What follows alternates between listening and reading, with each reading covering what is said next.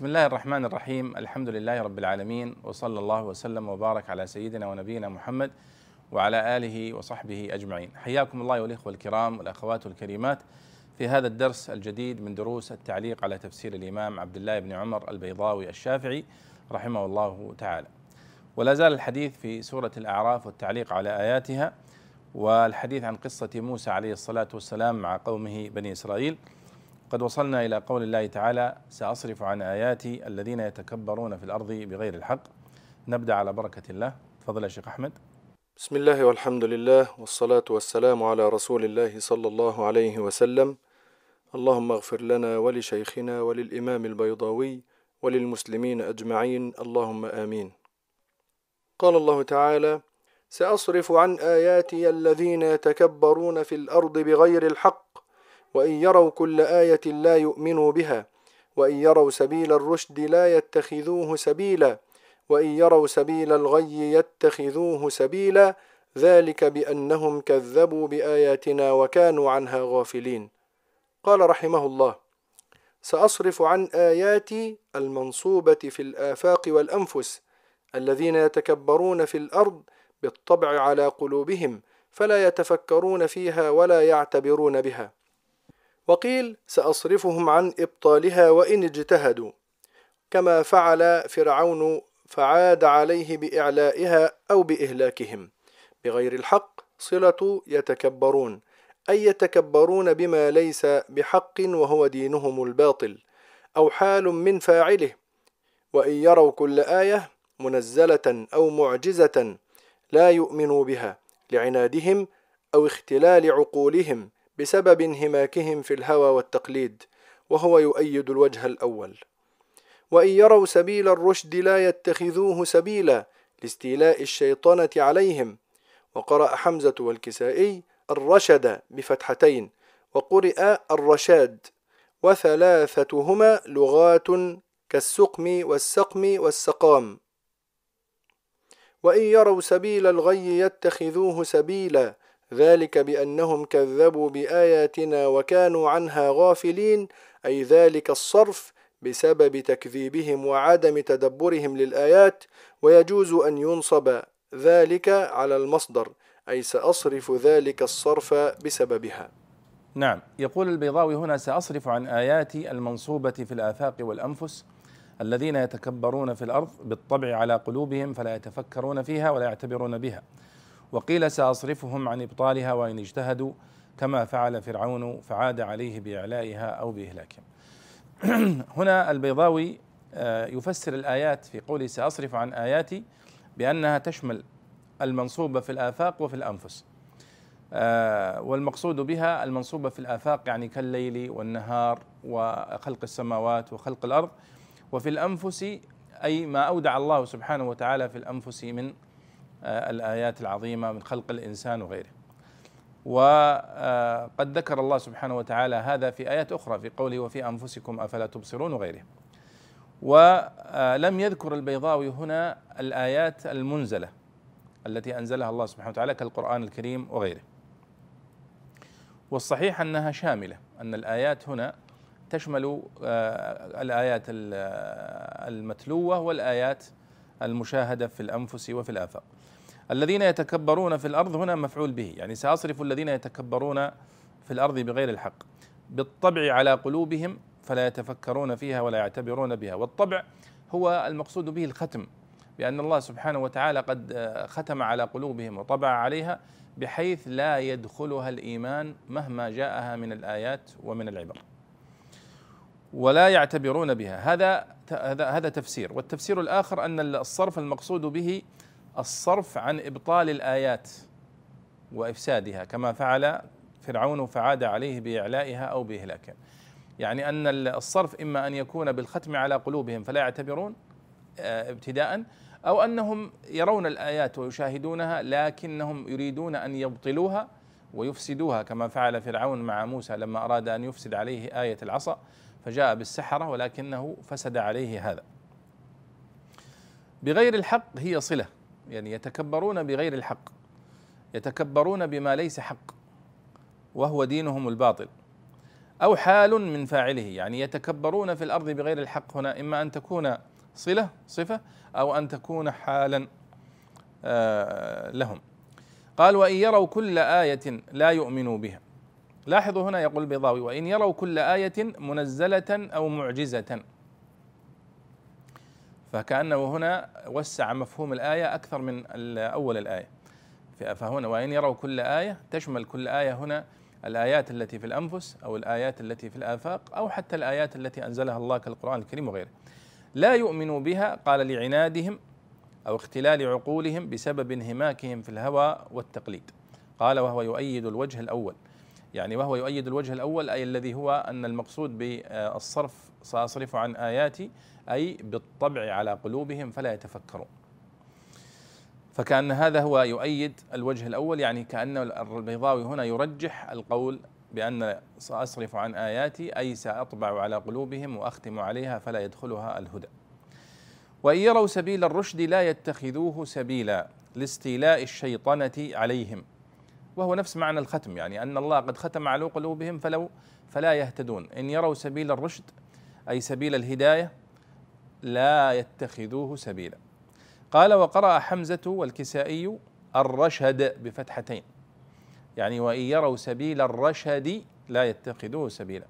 وقرئ الرشاد وهذه قراءة علي بن أبي طالب وأبو عبد الرحمن السلمي وإن يروا سبيل الرشاد لا يتخذوه سبيلا.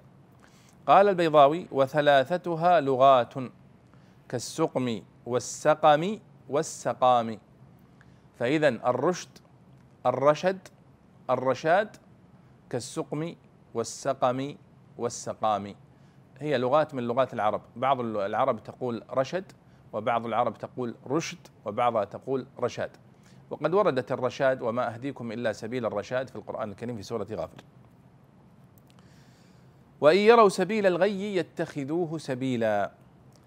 أي ذلك الصرف سأصرف عن آياتي أي ذلك الصرف بسبب تكذيبهم وعدم تدبرهم للآيات. فإذا الله سبحانه وتعالى قال سأصرف عن آياتي الذين يتكبرون في الأرض بغير الحق. إذا هذا عقوبة لهم. هذا عقوبة لهم لأنهم قد أصروا على الكفر والعناد فعاقبهم الله سبحانه وتعالى بأن صرفهم عن الهداية. فإن يروا سبيل الهداية والرشد والرشاد لا يتخذوه سبيلا ولا يتبعوه وإنما يخالفونه. قال وإن يروا سبيل الغي يتخذوه سبيلا. فإذا معنى ذلك أنهم يفعلون ذلك عن علم وعن إصرار وعن عناد. ولذلك استحقوا هذه العقوبة. قال البيضاوي ويجوز أن ينصب ذلك على المصدر. قوله هنا وإن يروا سبيل الغي يتخذوه سبيلا ذلك. ما إعرابها؟ قال يمكن أن تنصب على المصدر أي سأصرف ذلك الصرف بسببهما. فإذا هذا يؤكد معنى الذي ذكرناه وأنها هذه عقوبة على هذا. نعم. قال الله تعالى والذين كذبوا بآياتنا ولقاء الآخرة حبطت أعمالهم هل يجزون إلا ما كانوا يعملون؟ قال رحمه الله والذين كذبوا بآياتنا ولقاء الآخرة ولقائهم الدار الآخرة أو ما وعد الله تعالى في الآخرة من الثواب حبطت أعمالهم لا ينتفعون بها. هل يجزون إلا ما كانوا يعملون إلا جزاء أعمالهم؟ قال الله تعالى واتخذ قوم موسى من بعده من حليهم عجلا جسدا له خوار. ألم يروا أنه لا يكلمهم ولا يهديهم سبيلا؟ اتخذوه وكانوا ظالمين. قال رحمه الله واتخذ قوم موسى من بعده من بعد ذهابه للميقات من حليهم التي استعاروا من القبط حين هموا بالخروج من مصر وإضافتها إليهم لأنها كانت في أيديهم أو ملكوها بعد هلاكهم. وهو جمع حلي كثدي وثدي وقرأ حمزة والكسائي بالكسر بالاتباع كدلي ويعقوب على الإفراد. عجلا جسدا بدنا ذا لحم ودم أو جسدا من الذهب خاليا من الروح ونصبه على البدل. له خوار صوت البقر. روي أن السامري لما صاغ العجل ألقى في فمه من تراب أثر فرس جبرائيل فصار حيا. وقيل صاغه بنوع من الحيل فيدخل الريح جوفه ويصوت.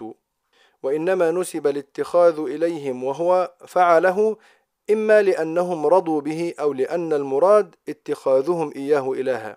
وقرئ جؤار أي صياح. ألم يروا أنه لا يكلمهم ولا يهديهم سبيلا؟ تقريع على فرط ضلالتهم وإخلالهم بالنظر والمعنى. ألم يروا حين اتخذوا إلها أنه لا يقدر على كلام ولا على إرشاد سبيل كآحاد البشر حتى حسبوا أنه خالق الأجسام والقوى والقدر. اتخذوه تكرير للذم أي اتخذوه إلها وكانوا ظالمين واضعين الأشياء في غير مواضعها فلم يكن اتخاذ العجل بدعا منهم.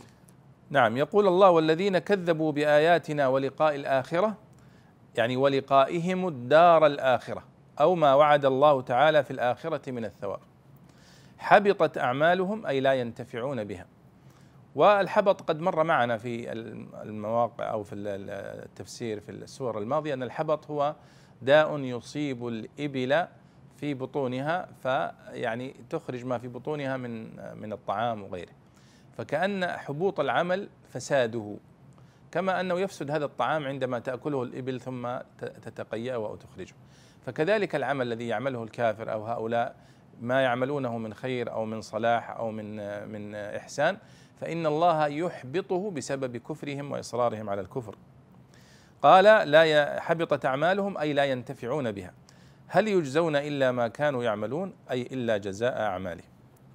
نعم ثم قال الله سبحانه وتعالى واتخذ قوم موسى من بعده من حليهم عجلا جسدا له خوار. يعني هذه الآية تذكر لنا قصة قوم موسى لما تركهم موسى عليه الصلاة والسلام في آه، في الصحراء بعد أن تجاوز بهم البحر ونجا من فرعون وقومه. وذهب إلى لقاء ربه. فقومه بعده قد اتخذوا عجلا جسدا له خوار. فيقول البيضاوي يقول واتخذ قوم موسى من بعده أي من بعد ذهابه للميقات. من حليهم التي استعاروا من القبط حين هموا بالخروج من مصر. وإضافتها إليهم لأنها كانت في أيديهم أو ملكوها بعد هلاكهم. طبعا مر معنا هذا ربما في أن قوم موسى عليه الصلاة والسلام لما خرجوا من آه، مصر استعاروا وتذكر بعض الروايات أنهم في الليلة التي سوف يخرجون فيها ذهب النساء الإسرائيليات واستعاروا من المصريات القبطيات الذهب. هذه تستعير من جارتها وهذه من جارتها وهكذا آه، بحجة أنها في حاجة إليه. وهم قد أضمروا في أنفسهم أنهم سيسرقون هذا الذهب الذي سوف يستعيرونه. وفعلا فقد استعاروا آه، الذهب وخرجوا به آه، معهم. ولما هلك بنو قوم فرعون يقول هنا البيضاوي أن قولهم واتخذ قوم موسى من حليهم يعني أنه نسب الحلي هنا إلى قوم موسى إلى الإسرائيليين مع أنها ليست لهم لأنهم سرقوها من من الفراعنة أو من القبط الأقباط. لكن يقول إضافتها إليهم لأنها كانت في أيديهم وليس لأنهم يملكونها بشكل شرعي. أو لأن قوم فرعون قد هلكوا فهم قد ملكوها لأن أصحابها الأصليين قد هلكوا واهلكهم الله سبحانه وتعالى. فهذه قصة هذه الحلي وهو جمع حلي قال كثدي وثدي. وقرأ حمزة والكسائي بالكسر بالإتباع كديلي يعني حلي واتخذ قوم موسى من حليهم. ويعقوب الحضرمي قرأ على الإفراد واتخذ قوم موسى من حليهم عجلا جسدا. والمقصود بالعجل الجسد أنه عجل يعني حقيقي شبه حقيقي يعني عجل له جسد وله لحم ودم كما يقال أو أنه جسد من الذهب خالي من الروح آه، ونصبه على البدل عجلا جسدا. يعني جسدا هنا لو أردنا أن نعربها نقول هذه بدل منصوب وعلامة نصبه الفتحة الظاهرة على آخره. فهذه إذا قصة هذه الحلي أنه لما اتخذها قوم موسى جمعها لهم. ماذا صنع بهم السامري لما وصلوا إلى يعني إلى بر الأمان وذهب موسى إلى لقاء ربه قال لهم السامري يعني هذه الحليه التي أنتم جمعتموها هذه محرمة عليكم لأنكم قد سرقتموها من بني من الأقباط يعني من من, من الفراعنة. فأعطوني هذه الحلي حتى أحرقها وأصنع بها شيئا. فهم يعني استجابوا لأمر السامري وصنع لهم منها عجلا جسدا له خوار. يعني السامري هذا الرجل آه، صاغ من هذه الحلي عجلا جسدا. ويبدو والله أعلم أنه قد يعني أوقدها عليها النار وأنه كان له خبرة في هذا. فيعني حولها من من قطع ذهبية متفرقة إلى يعني مجسم للعجل. لكن الله يقول آه، أنه عجل جسد له خوار. يعني له صوت كصوت خوار العجل. والخوار هو صوت العجل. وقد قرئ جؤار وستأتي معنا وهو صياح العجل. ويقول البيضاوي هنا روي أن السامري لما صاغ العجل ألقى في فمه من تراب أثر فرس جبريل فصار حيا. وقيل صاغه بنوع من الحيل فيدخل الريح جوفه ويصوت. آه، طبعا هذه القصة مذكورة هنا باختصار. ومشار إليها في سورة طه تقريبا في الآية السادسة والتسعين من سورة طه. قال فما خطبك يا سامري؟ لما رجع موسى إليه قال بصرت بما لم يبصروا به فقبضت قبضة من أثر الرسول فنبذتها وكذلك سولت لي نفسي. هذا الموضع الوحيد الذي فيه آه، كلام السامري عن كيفية صناعته للعجل وماذا ما هو الذي جعل العجل يتك يعني يصوت ويكون له خوار. وهذه الآية الوحيدة في القرآن الكريم التي تشرح وليس في التفسير وليس في القرآن الكريم غير هذا الموضع في سورة طه وليس فيه أيضا لا في السنة النبوية شرح لمقصود السامري هذا. ولذلك لما فسره المفسرون لم يجدوا إلا المرويات عن بني إسرائيل لشرح وبيان هذه الآية. فروي أن كما ذكر البيضاوي آه، هنا وكايضا كما ذكر آه، ابن أبي حاتم وذكر غيره كالنسائي في حديث الفتون الطويل آه، آه، في في الحديث أنه قال فاجتمع ما كان في الحفرة من متاع أو حلية أو نحاس أو حديد الذي رماه السامري قال فصار عجلا أجوف ليس فيه روح له خوار ثم قال ابن عباس لا والله ما كان له صوت قط إنما كانت الريح تدخل من دبره وتخرج من فيه فكان ذلك الصوت من ذلك. قال ابن كثير وهو موقوف من كلام ابن عباس وليس فيه مرفوع إلا قليل منه وكأنه تلقاه ابن عباس رضي الله عنه مما أبيح نقله من الإسرائيليات عن كعب الأحبار أو غيره والله أعلم. وسمعت شيخنا الحافظ ابا الحجاج المزي يقول ذلك أيضا هذا كلام ابن كثير.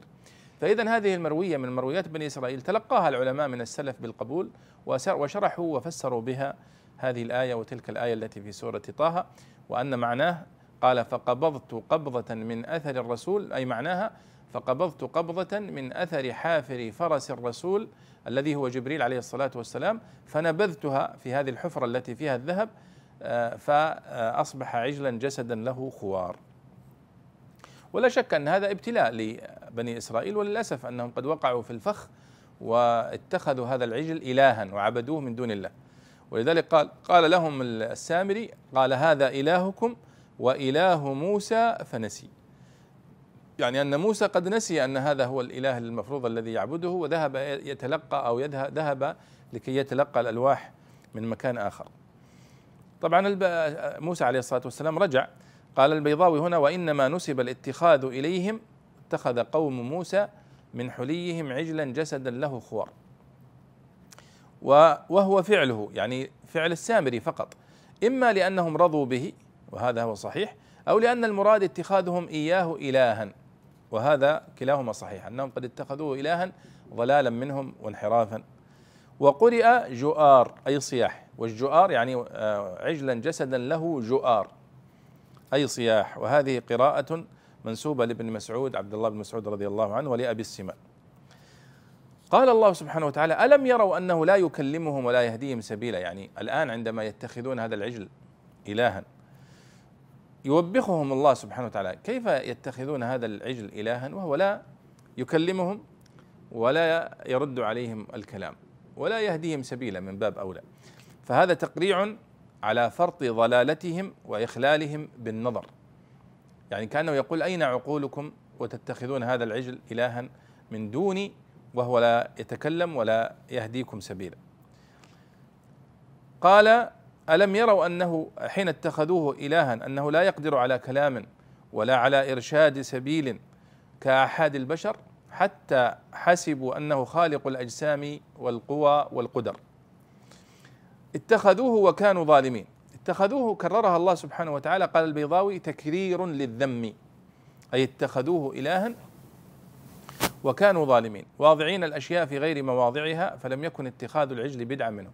وتلاحظون في قصة آه، قوم آه، موسى هنا. في كل المواضع لا يأتي بالمفعول به أبدا. لا يقول اتخذوا آه، العجل إلها أبدا. وإنما يقول اتخذوا العجل بس. اتخذوا العجل واتخذوا العجل أشربوا في قلوبهم العجل لأنه كأنه من المعيب أن يتخذ مثل هذا العجل إلها من دون الله سبحانه وتعالى. نعم. قال الله تعالى ولما سقط في أيديهم ورأوا أنهم قد ضلوا قالوا لئن لم يرحمنا ربنا ويغفر لنا لنكونن من الخاسرين. قال رحمه الله ولما سقط في أيديهم كناية من أن اشتد ندمهم فإن النادم المتحسر يعض يده غما فتصير يده مسقوطا فيها. وقرئ سقط على بناء الفاعل بمعنى وقع العض فيها. وقيل معناه سقط الندم في أنفسهم. ورأوا وعلموا أنهم قد ضلوا باتخاذ العجل. قالوا لئن لم يرحمنا ربنا بإنزال التوبة ويغفر لنا بالتجاوز عن الخطيئة لنكونن من الخاسرين. وقرأهما حمزة والكسائي بالتاء وربنا بالنصب على النداء. نعم يقول الله سبحانه وتعالى هنا ولما سقط في أيديهم ورأوا أنهم قد ضلوا يعني سقط في أيديهم هذا أسلوب من أساليب العرب يعني كناية عن, اشتداد ندمهم. فإن النادم المتحسر يعض يده أحيانا يعض يده من الندم كما يقول آه، يوم يعض الظالم على يديه. فتصير يده مسقوطا فيها هكذا أو أحيانا يضرب كفا بكف أو يعض اليد يده.